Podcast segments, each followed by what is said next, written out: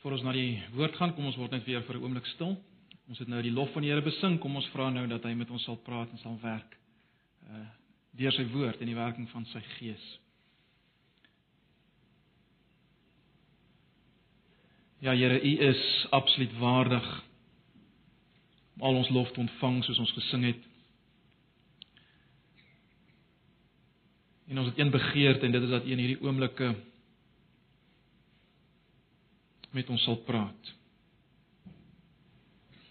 Here, dankie dat ons in tye soos hierdie kan weet dat U by ons is. Dankie dat ons verlede Sondag juis kon sien dat daar waar dit nie lyk asof U is nie, juis daar is U.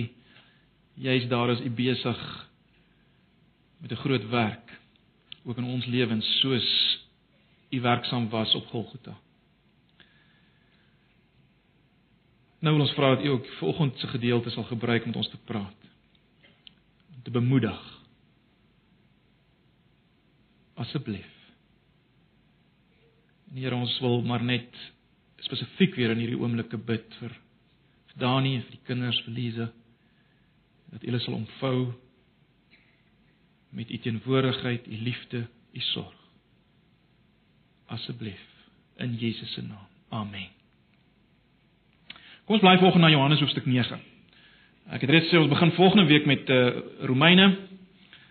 So volgende wil ek maar nou nog 'n gedeelte kyk wat Miskien vir ons kan help in ons denke ook rondom dit wat gebeur het. Soos ons verlede Sondag gekyk het na Psalm 77 en uh, dan DV die Sondag wat kom, vertrou ek uh ons sal nog 'n beter prentjie kry van dit waarna toe God op pad is. Wat sy eintlike wil is in alles. Maar volgens Johannes 9.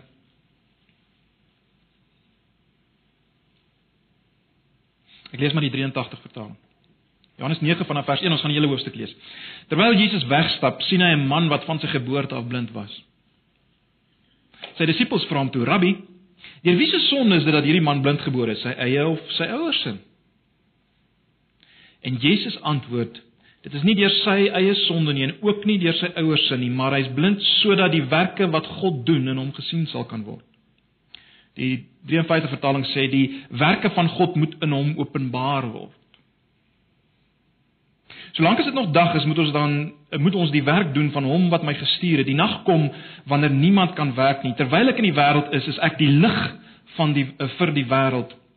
Nadat hy dit gesê het, spoeg hy op die grond en maak met met die spoeg 'n bietjie klei aan, toe smeer hy die klei aan die man se oë en sê vir hom: "Gaan was jou in die Siloam bad." Siloam beteken uh die een wat gestuur is. Hy het gegaan en hom gewas en toe hy terugkom kon hy sien.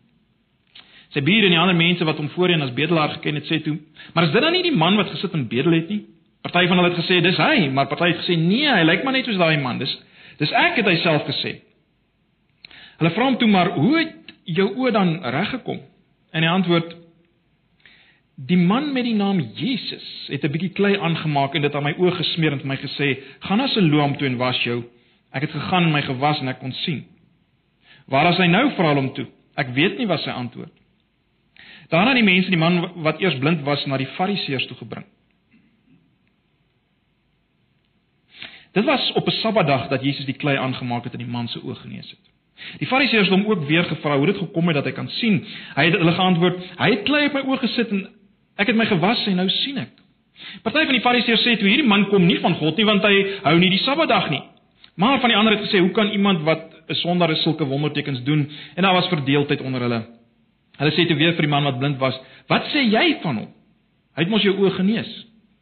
Hy's 'n profeet." Het hy geantwoord.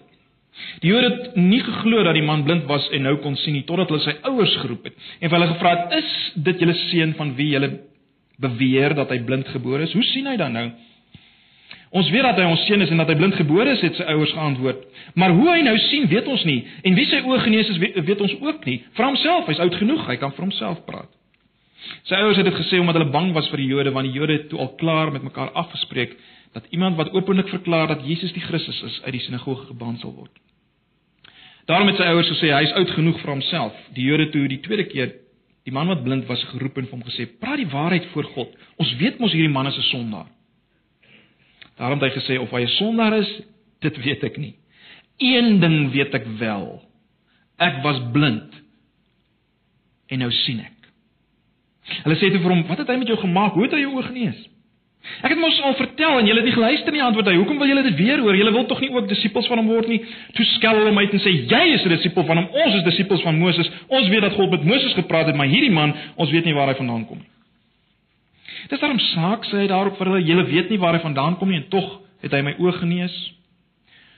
Ons weet dat God nie na sondaars luister nie, maar as iemand vir hom ontsag het en doen wat hy wil, luister God na hom. Van ewigheid af is daar nog nooit gehoor dat iemand die oë van een wat blindgebore is genees het nie. As hierdie man nie van God was nie, sou hy niks kon doen nie. Hulle sê vir hom: "Jy is van geboorte af die ene sonde en wil jy ons staan en leer?" En hulle hom uitgeban.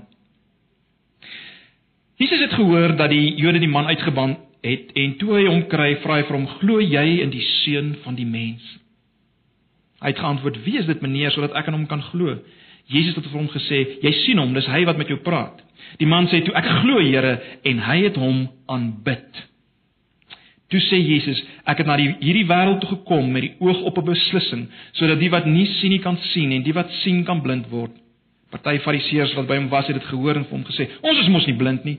Jesus antwoord hulle: "As julle blind was, sou julle nie skuldig gewees het nie, maar nou sê julle ons sien." Daarom bly julle skuldig.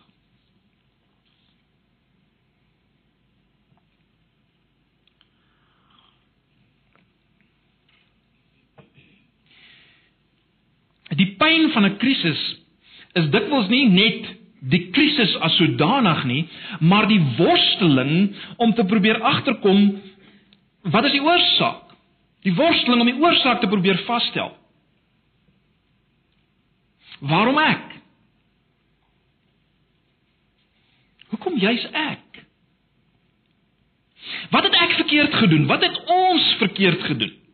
Jy sien, dit gaan nie eers oor die vraag van lyding nie. Lyding, swaar kry, ellende nie. Dit gaan nie eers oor die vraag van hierdie dinge nie, want ek, ek dink ons almal weet min of meer wel dit hou verband met die met die sondeval. Maar dit gaan oor die manier waarop lyding in die wêreld as jy wil verdeel word. Die spesifieke keuses en tydsberekening waar volgens God lyding swaar kry en moeilikheid toelaat. Waarom jy's ek? En waarom jy's nou ek? Waarom die ongelyke verspreiding? Dis die vraag waarmee ons sit. En broers en susters, daarom is die vraag wat hierdie man in Johannes 9 of laat ek so sê, die vraag oor hierdie man in Johannes 9 se lot is is daarom geweldig relevant, is dit nie? Aktueel. Want in vers 2 word die vraag eintlik gevra, is dit nie? Die vraag word eintlik gevra, waarom is hierdie man blind? Nee. En en dis ons vraag. Dis ons vra, dit wat hier gevra word. Ons was te ware naby hierdie mense staan en nuuskierig hoor wat sê Jesus? Wat antwoord hy hierop? Ons vra vra broers en susters oor baie dinge. Ons vra vra oor oor dit wat nou gebeur het met die brinks. Ons vra vra oor oor rampe, oor siektes, oor swaar kry, oor armoede, oor die toestande in ons land. Ons vra vra oor ons eie geestelike toestand, dikwels van dorheid en droogheid, van geen belewing van God nie. Ons vra vra daaroor. Ons vra vra oor die toestand van die, van die gemeente en uh waarom sukkel ons met finansies en, en waarom is daar min betrokkeheid by sekere dinge? Ons vra vra. Waarom? Waarom? Die eienaardige in hierdie gedeelte in Johannes is dit. Jesus antwoord nie die vraag wat gevra word in vers 2 nie. Is vreemd, is dit nie? Dis vreemd vir ons want ons ons instink sê vir ons daar moet 'n rede wees. Daar moet 'n rede wees. Ek meen, daar moet 'n skuldige wees. En in uh, terloops in al die wêreldgodsdienste is dit so. As gewoonlik 'n skuldige en daarom gebeur daar iets. Maar Jesus soos hulle gesien het, hy gaan nie in op hierdie vraag nie. Dis asof sy antwoord impliseer dat die vraag verkeerd gevra word. Jesus sê dis nie hy nie en ook nie sy ouers nie. Terloops Jesus doen eintlik presies hier wat uh, in in die boek Job na vore kom. Julle sal weet uh, Job het vriende gehad en uh, sy vriende het almal redes gegee waarom al hierdie ellende oor Job kom. En aan die einde van die boek Job sê God dat hulle hulle het verkeerd gepraat oor my. So Jesus sluit eintlik 'n sin daarbey aan. Uh Jesus bevestig dat daar nie 'n outomatiese verband tussen sonde en lyding is. 'n Outomatiese verband. 'n Direkte lyn. Let wel, Jesus sê nie eers wie het die man se blindheid veroorsaak nie. Jesus sê nie, luister, God het hierdie man blind gemaak, bly stil nie. Hy sê dit nie. Want want is nie so eenvoudig nie. sien kyk in Lukas 13 vers 16 sê Jesus baie uitdruklik dat die vrou wat vir 18 jaar lank lam was, Jesus sê die Satan het haar gebind. As Paulus uh, in 1 Tessalonisense 2 vers 18 uh verskoning moet maak vir die gemeente dat hulle tot nou toe verhinder is om te kom, dan sê hy die Satan het ons verhinder. Jy sien Jesus antwoord nie die vraag wie die man se blindheid veroorsaak nie. Hy antwoord nie daai vraag nie. Hy gaan aan in vers 3 en hy sê hierdie blindheid is sodat die werke van God of laat ek so sê, sodat die werke wat God doen in hom gesien kan word. Dis die 83 vertaling of die 53 vertaling. Maar die werke van God moet in hom openbaar word. Dis al wat Jesus sê, die werke van God moet in hom openbaar word. So dit lyk asof Jesus ons vraag omkeer, né? Hy keer dit om. So kom ons staan 'n bietjie nader aan hierdie gedeelte. Kom ons probeer kyk hoe Jesus ons vraag beantwoord, hoe Jesus hulle vraag beantwoord. Uh aan die hand van hierdie man En uh, dan kyk ons 'n bietjie wat sê dit vir ons in ons tye van kom ek noem dit duisternis. Wat sê hierdie gedeelte vir ons? Wat sê hierdie gedeelte vir ons? So dis waarin ons op pad is. Uh, kom ons begin eers en ons sê net iets oor die agtergrond van dit wat hier gebeur. Dit wat ons hier sien, 'n bietjie agtergrond. En dan wil ek hê ons moet net deur die verse gaan en kyk wat gebeur hier. En dan gaan ons in die derde plek dit nader aan onsself bring. Net 'n bietjie agtergrond.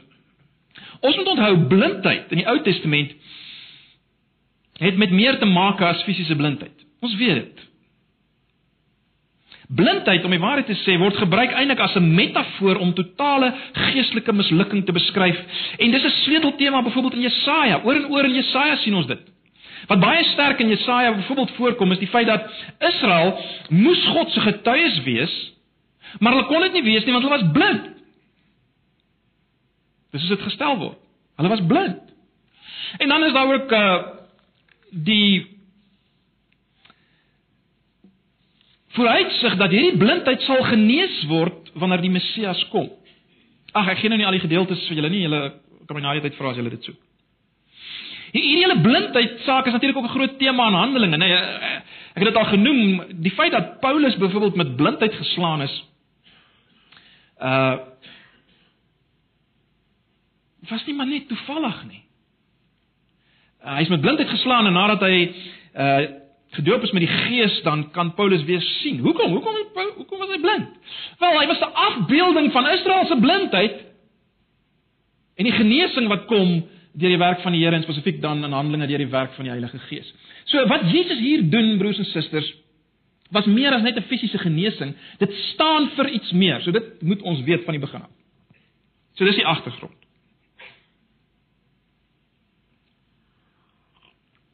Kom ons kyk nou net wat gebeur hier nadat Jesus die teken gedoen het. Nadat hy hierdie man genees het, wat gebeur hier? Ons kry verskillende reaksies hier in vers 8 tot 38, né? Nee, baie interessant. Eerstens, kom ons kyk net vinnig na vers 8 tot 12. Hier is 'n onderhoud met die blinde man se se bure. En en al wat hierdie gedeelte doen, daai verse doen is maar om net eintlik te bevestig die man was blind. Hy was werklik blind. Meer belangrik vir ons is om om om om te sien wat gebeur in die man. En dis baie belangrik dwars deur hierdie gedeelte moet ons kyk Wat is besig om met hierdie man te gebeur? Wat is besig om in hom te gebeur en wat is besig om deur hom te gebeur? Dit is baie belangrik dat ons dwars deur hierdie gedeelte dit raak sien. En wat ons hier sien in die eerste gedeelte in vers 8 tot 12 is dat al wat hierdie man nou verstaan op hierdie punt van Jesus is dit. Hy sê dan vers 31 die man met die naam Jesus. Dis al wat hy verstaan van Jesus. Hy hy hy, word Jesus genoem. Vers 11. In vers 13 tot 17 kry ons die eerste onderhoud uh wat hierdie man met die fariseërs het. En daar's weer verdeeldheid onder onder die fariseërs soos dikwels. Baie belangrik om natuurlik te verstaan dat beide genesing en die aanmaak van klei was verbied op die Sabbat. En dit was die groot saak vir die fariseërs. Hulle is net eenvoudig nie in staat om verder te kyk nie. Hulle is nie in staat om te sien wat God sê deur wat hier gebeur het nie. Of of hulle is nie in staat om te sien wat word gesimboliseer deur die sien van hierdie man nie. Hulle kan dit nie raak sien nie. Hulle is gepreokkupeer met hoe is hy genees? En dis dwars deur die gedeelte so. Maar hier in vers 17 sien ons hoe die blinde man 'n bietjie verder kom in sy verstaan van Jesus, né? Nee. Hy sien bietjie duideliker. In vers 17 sê hy hy is 'n profeet. Hy is 'n profeet. En dan word die man se ouers ondervra deur die Jode. En dit bevestig maar net verder dat dat die wonder van Jesus eg was want hierdie man was werklik blind. Sy ouers bevestig dit. Terselfdertyd sien ons die hardnekkigheid van die Jode wat nie wil glo nie ten spyte van al die bewyse, het hulle alreeds besluit geneem. Maak nie saak wat word gesien nie. Hulle het klare besluit geneem. Maak nie saak wat daar gesê word en wat almal getuig nie. Hulle het klaar die besluit geneem. Hulle het besluit Jesus is nie van God nie en daarom ontken hulle die wonder. Let wel, hulle het eers besluit Jesus is nie van God Terloops, dis dikwels hoe dit vandag ook werk, né? Nee, mense het eintlik alreeds 'n besluit geneem teen Jesus en dis hoekom niks hulle gaan oortuig nie. Maar goed. Vir die eerste keer sien ons hoe hulle vyhandigheid teenoor Jesus oorgedra word op enige een wat hom glo. Hulle is nie nou meer net vyhandig teenoor Jesus nie. En uiteindelik lei dit dan teen, uh, tot optrede teenoor die blinde man en sy ouers. En dit bring ons by vers 24 tot 34. Hierdie die blinde man 'n tweede onderhoud met die fariseërs. En en hier is tragiese ironie, né? Weerens die fariseërs weier om te sien wie Jesus werklik is. En hulle moedig eintlik die man aan om God te verheerlik deur te sê dat Jesus is 'n sondaar. Absolute lastering. Maar maar baie interessant, let op, sien dit raak. Hierdie hierdie byna onlogiese posisie van die fariseërs lei hierdie man tot die volgende stap. In vers 33, hy gee aan God die eer deur te sê: "As hierdie man nie van God was nie, sou hy niks kon doen nie." So, hulle onlogiese posisie lei tot 'n verdere sien van wie Jesus is in hierdie man. Ontwikkeling by hierdie man se verstaan van Jesus. Die hardheid en die bitterheid van hierdie leiers wat terloops niks niemand anders is as die valse herders van wat in die volgende hoofstuk oor gepraat word in hoofstuk 10 nie. Uh uiteindelik word hulle hardheid en hulle bitterheid bevestig deur die feit dat hulle die man en sy ouers uit die sinagoge uitgooi. En hulle maak terloops verder aanspraak daarop dat hulle is Moses se disippels. Maar almal sien dis 'n absolute leë aanspraak. Sal die blinde man sien, is 'n absolute leë aanspraak. Maak geen sin nie. En dan kom ons by vers 35 tot 41 waar Jesus nou as jy wil 'n verduidelikende onderhoud het met uh, die blinde man en die fariseërs. Jesus sê hy het gekom sodat die wat dink hulle sien kan blind word en sodat die wat blind is kan sien. Dis wat hy ten diepste sê. Mens wonder natuurlik oor oor die feit hoekom het Jesus as te ware hierdie man gelos? As as hierdie man nou weer verskyn, hoekom het Jesus hierdie man gelos? Nadat hy hom genees het. Dit lyk amper asof hy hom net gelos het. aan homself oorgelaat het. Wel, ons het nie 'n duidelike antwoord daaroor nie, nê. Nee. Uh maar baie duidelik hierdie man se volharding om by Jesus te bly wys hom of laat ek so sê maak duidelik dat hy 'n ware disipel is want in Johannes 8 vers 31 het Jesus gesê as julle aan my woorde getrou bly dan is julle my disippels. Met ander woorde hierdie man demonstreer dat hy 'n ware disipel van God is. Hy wys ook vir ons dat as God 'n werk in jou begin het, wel niemand kan jou dan uit sy hand ruk nie. Dis wat ons raak sien in hierdie man. In Johannes 6 vers 39 sê Jesus dat hy sal niemand verloor van die wat die Vader hom gegee het nie. So Jesus soek hierdie man op. Hy soek hom op want hierdie man is reg om te glo ten spyte van al die teenkanting. Om die waarheid te sê, sy geloof groei juis deur hierdie teenkanting groei hierdie man se geloof in Jesus. In vers 35 maak Jesus dit weer duidelik dat hy die seun van die mens is. Nou hy het reeds in Johannes uh, in in Johannes 5 uh, vanaf vers 25 tot 27 duidelik gemaak dat die seun van die mens is die een wat die ware lewe bring, dat die seun van die mens die een is wat uiteindelik sal oordeel. In hoofstuk 6 het hy gesê dat die seun van die mens se vlees moet geëet word en sy bloed moet gedrink word, waar hy natuurlik praat oor oor sy eie kruisiging en dit wat hy gedoen het daar.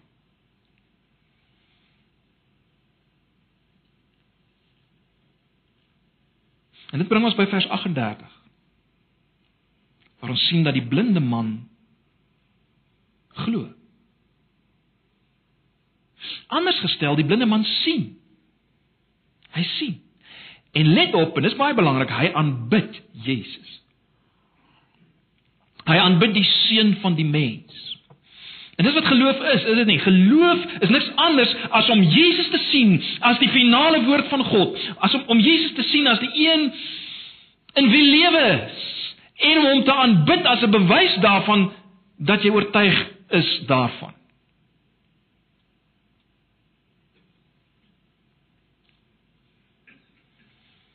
So dis wat hier gebeur in die verse. Maar wat moet ons raak sien? Wat moet ons raak sien? Wel, broers en susters, ons moet raak sien deur dit wat hier gebeur, deur die blindheid van hierdie man.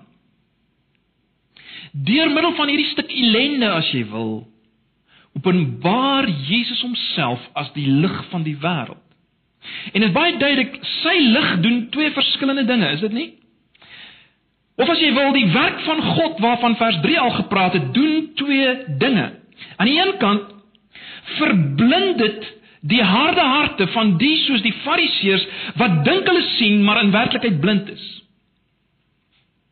Ons sou kon sê die werk van God deur die blindheid van hierdie man lei tot die lastering van die fariseërs.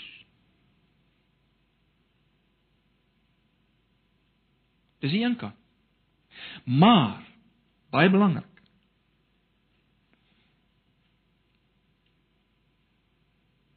aan aan die ander kant bring die werk van God sig, lig, aanbidding.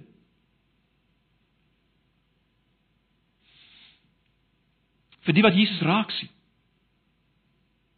So dis die twee twee kante. Dis die twee dinge wat die werk van God doen. As ek dit so kan stel. Ons moet dit raak sien. Die man se toestand van blindheid openbaar die werk van God, God die Seun, die lig van die wêreld. Kyk, hierdie man was waarskynlik nie eers bewus dat sy blindheid nou hierdie effek waaroor ons gepraat het gehad het op die Fariseërs, naamlik om hulle te verblind nie. Die ouens wat dink hulle sien te verblind nie. Hierdie man was waarskynlik glad nie, wel, verseker nie bewus daarvan nie. Terwyl hierdie man blind was al die jare van geboorte was daar geen manier vir hom om die waarom vraag te beantwoord nie. Hy sou ook nooit die vraag kon beantwoord hoe hoekom soveel jare van blindheid en sukkel en worsteling en duisternis. Maar luister mooi. Hy het nou een ding geweet. Hy het een ding geweet. Hy sien nou, hy sien Jesus. Hy sien Jesus vir wie hy is. Dit het hy geweet. En hy wil hom aanbid. Hy wil hom aanbid as die as die kosbaarste ontdekking wat hy ooit gemaak het. Dis wat hy weet. Hy weet nou om dit so te stel waartoe dit alles was. Hy weet waartoe dit alles was. Al kon hy steeds nie al die waaroms beantwoord nie. Hy kon nie. Maar hy het geweet waartoe dit was. Ag broers en susters, kom ons bring dit alles nader aan ons lyf. Hoe moet ons watter vrae moet ons vra in al hierdie tye waaroor ons gepraat het? Al hierdie toestande wat ons uitgelig het. Wel kom ons kom ons kyk na Jesus. Jesus gee nie 'n oorsaak nie, hy gee 'n doelwit. Jesus kyk nie terug nie. Hy spekuleer nie oor dit wat gebeur het nie. Hy kyk vorentoe. Baie baie belangrik. Met ander woorde, ons moenie vra na die oorsaak van 'n gegeewe situasie in ons lewe of in die lewe van iemand anders nie.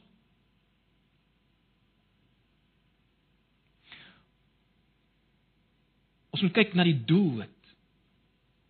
Met ander woorde om dit eenvoudig te stel, ons moenie vra waarom nie, maar waartoe. Dis baie belangrik. Nie waarom nie, maar waartoe. Ons het die waartoe nou gesien. Alle donker tye, broers en susters, het een ding ten doel om die werk van God te openbaar. Om die werk van God te openbaar en terloops uh op Golgotha en ons het verlede Sondag daaroor gepraat, sien mense dit absoluut. Die grootste donkerte in die geskiedenis van die kosmos as God die seun hang in duisternis, nakend bebloed, openbare die werk van God. Ons het daaroor gepraat en sal Sondag wat kom weer daaroor praat. Maar goed. As ons dit sê, baie belangrik vir oggend, dit beteken nie dat alle fisiese siekte gaan genees word soos hierdie blinde man uh, se blindheid nie. Of dat al jou krisisse opgelos gaan word nie. Moenie 'n fout maak nie. Dis nie wat ons vanoggend sê nie, want onthou nou, ons het gesê dat hierdie wonder was 'n teken. Dis nie wat ons sê nie. Ons sê ook nie, ons sê ook nie en baie belangrik dat julle my sal hoor vanoggend. Ons sê ook nie dat dat rampe minder ernstig of of vernietigend, traumaties is nie. Dis nie wat ons sê nie. Ons maak dit nie af as as minder ernstig nie. Maar wat beteken dit? Broers en susters, dit beteken dit maak nie saak in watter vorm van duisternis jy vanoggend is nie. Dit maak nie saak in watter vorm van lyding of swaar kry of worsteling is nie, jy is nie. Maar hierdie ding, hierdie ding, hierdie stuk gebrokenheid. En kan ek so ver gaan om te sê ja, self Hierdie ding, hierdie gebrokenheid word in en onder die hand van Jesus 'n middel, 'n instrument om die werk van God te openbaar. Ek sê dit weer. Hierdie ding, hierdie stuk gebrokenheid, wat dit ook al mag wees, word in en onder die hand van Jesus 'n middel, 'n instrument om die werk van God te openbaar, te wys. Glo jy dit? Glo jy dit? En wat is die werk van God in hierdie gedeelte? Wel, om die wat dink hulle sien sonder dat hulle Jesus aanbid om hulle te verblind. Dis die werk van God aan die een kant. En aan die ander kant, om die wat erken hulle sien nie te verlig met die lig van die wêreld Jesus sodat hulle hom aanbid, sodat hy die middelpunt word van alles. Sondag wat kom sal ek waarskynlik weer praat oor oor hierdie hierdie feit van Jesus wat die middelpunt van alles moet word. Ag, ek weet nie wat is jou situasie vir oggend nie. Ons is almal nou bewus van die situasie van van die brink gesin en familie. Weet nie wat is jou situasie? Jou spesifieke situasie. Dalk is dit hartseer oor iemand. Dalk is dit 'n siekte vir oggend. Dalk is dit die toestand in jou huis en jou huwelik en jou gesin Dalk jou geestelike toestand, die feit dat jy voel ek kan nie meer nie, ek is skout, ek is droog, ek is blind.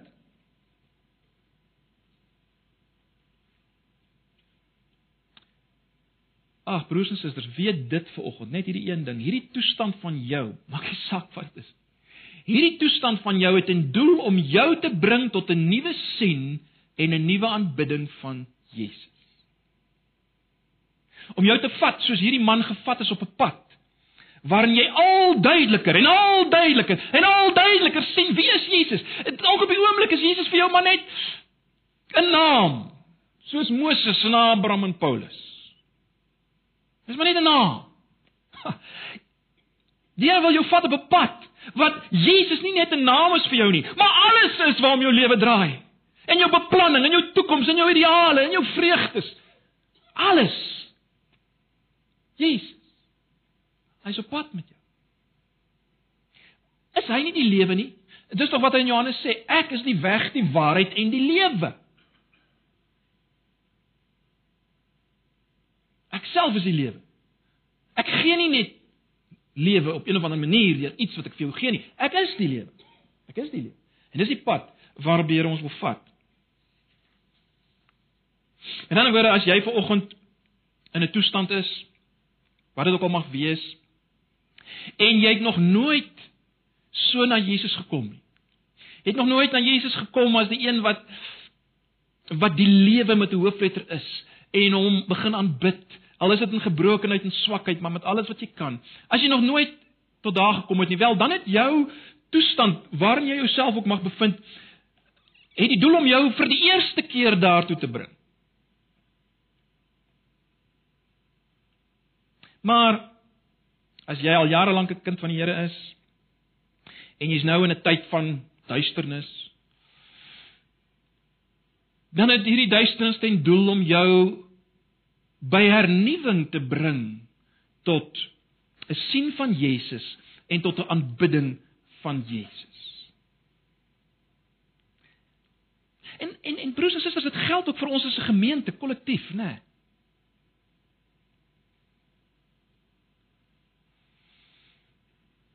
Ons voel dalk ons het 'n plateau bereik, geestelik gesproke. Wat getalle betref, wat finansies betref. Ons voel dalk mense is nie betrokke soos hulle moet nie. Wat sê die gedeelte vir ons? Wel, ek ek dink tog die gedeelte sê vir ons, kom ons los die waaroms. Kom ons hou op met sondebokke soek. Ons is altyd lief om sondebokke te soek. Kom ons los dit. Kom ons weet dit. Jesus wil ons as gemeente bring tot 'n nuwe sien van wie hy is. Jesus wil ons as gemeente bring tot ware aanbidding van hom die hoof van hierdie gemeente waarvan ons die ledemate is. Hy wil ons losmaak van alle wettiese, foutvinderige godsdienst soos die van die Fariseërs. Hy wil ons bring tot ware lewe in en onder Jesus, tot aanbidding van Jesus.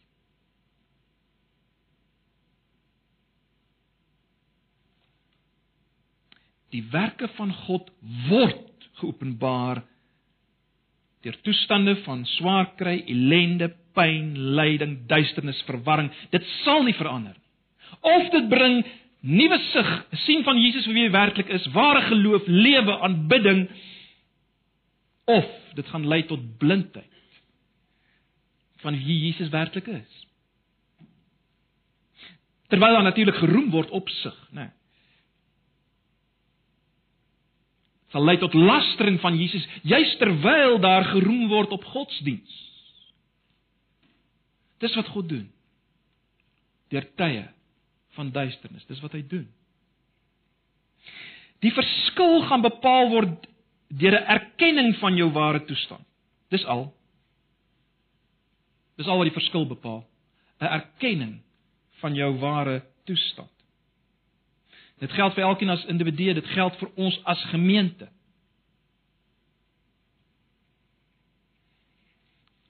Dat jy jouself moet vra vanoggend is ek bereid daarvoor? Is ek bereid om te erken ek sien hom dalk nog nie?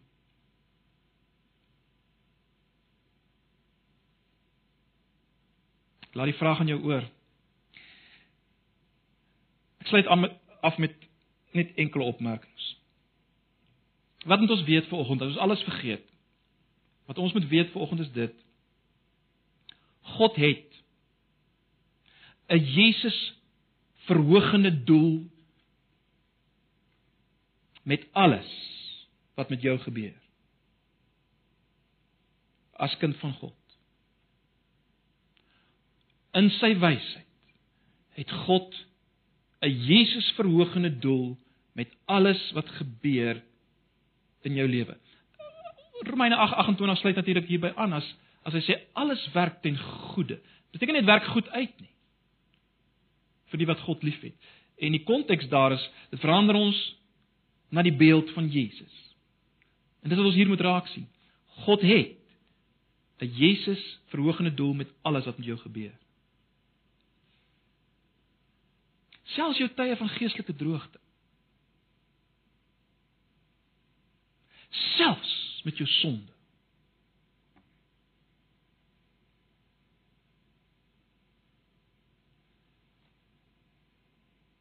En dan baie belangrik, hand aan hand daarmee. Jesus self is die enigste pad na volle finale vreugdevolle belewing van daardie doel. Ons nog gesê wat is die doel? Maar Jesus self is die enigste pad. Ek is die weg. Is die enigste pad daarheen. En dan net 'n laaste opmerking. Broers en susters, is fascinerend is dit nie dat Jesus hierdie verwerpte blinde man, hy was 'n nobody. Hy was 'n nobody. Jesus het hierdie verwerpte blinde man, hy het hom uitgesoek. Hy het hom gesien.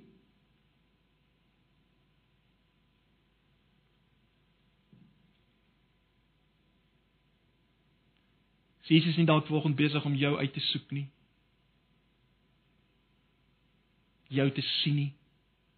Hoekom doen hy dit? Hoekom soek hy jou op? Wel, hy wil jou bring tot aanbidding van Jesus. Dis waar alles gaan. Dis waar Dis waar alles gaan. Dis wat hy wil bring. En dit geld weer eens ook vir ons as gemeente. Ag ek sluit af broers en susters, dit was vir my fascinerend toe ek ehm um, gisternamiddag kyk na die WhatsApp oor Lize dat uh, toe Dani vir haar weer verwys na die feit dat haar been geamputeer is. Toe sê Lize in haar gebrokenheid, sy kan nie, nog nie lekker praat nie. In haar gebrokenheid sê sy die volgende: Ons gaan moet sien wat God hiermee gaan doen. Mag dit ons almal bemoedig. En mag dit versterk dit wat ons vanoggend gesê het. Kom ons sluit af.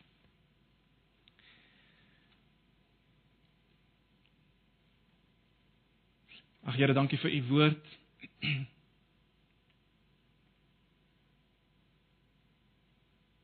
Dankie vir u self.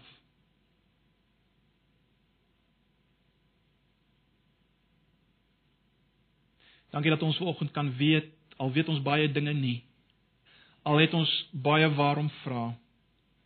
Baie dankie dat ons as u kinders een ding kan weet. En dit is waartoe alles gebeur. Wil u nou hierdie woord, u woord gebruik om te bemoedig, te versterk, te troos, aan te moedig waar nodig, uit te daag waar nodig. Here, dis ons begeerte dat elkeen wat ver oggend hier sit, u sal sien en dat hier niemand sal wees wat roem en sien maar blind is asseblief. Ons vra dit in Jesus se naam. Amen.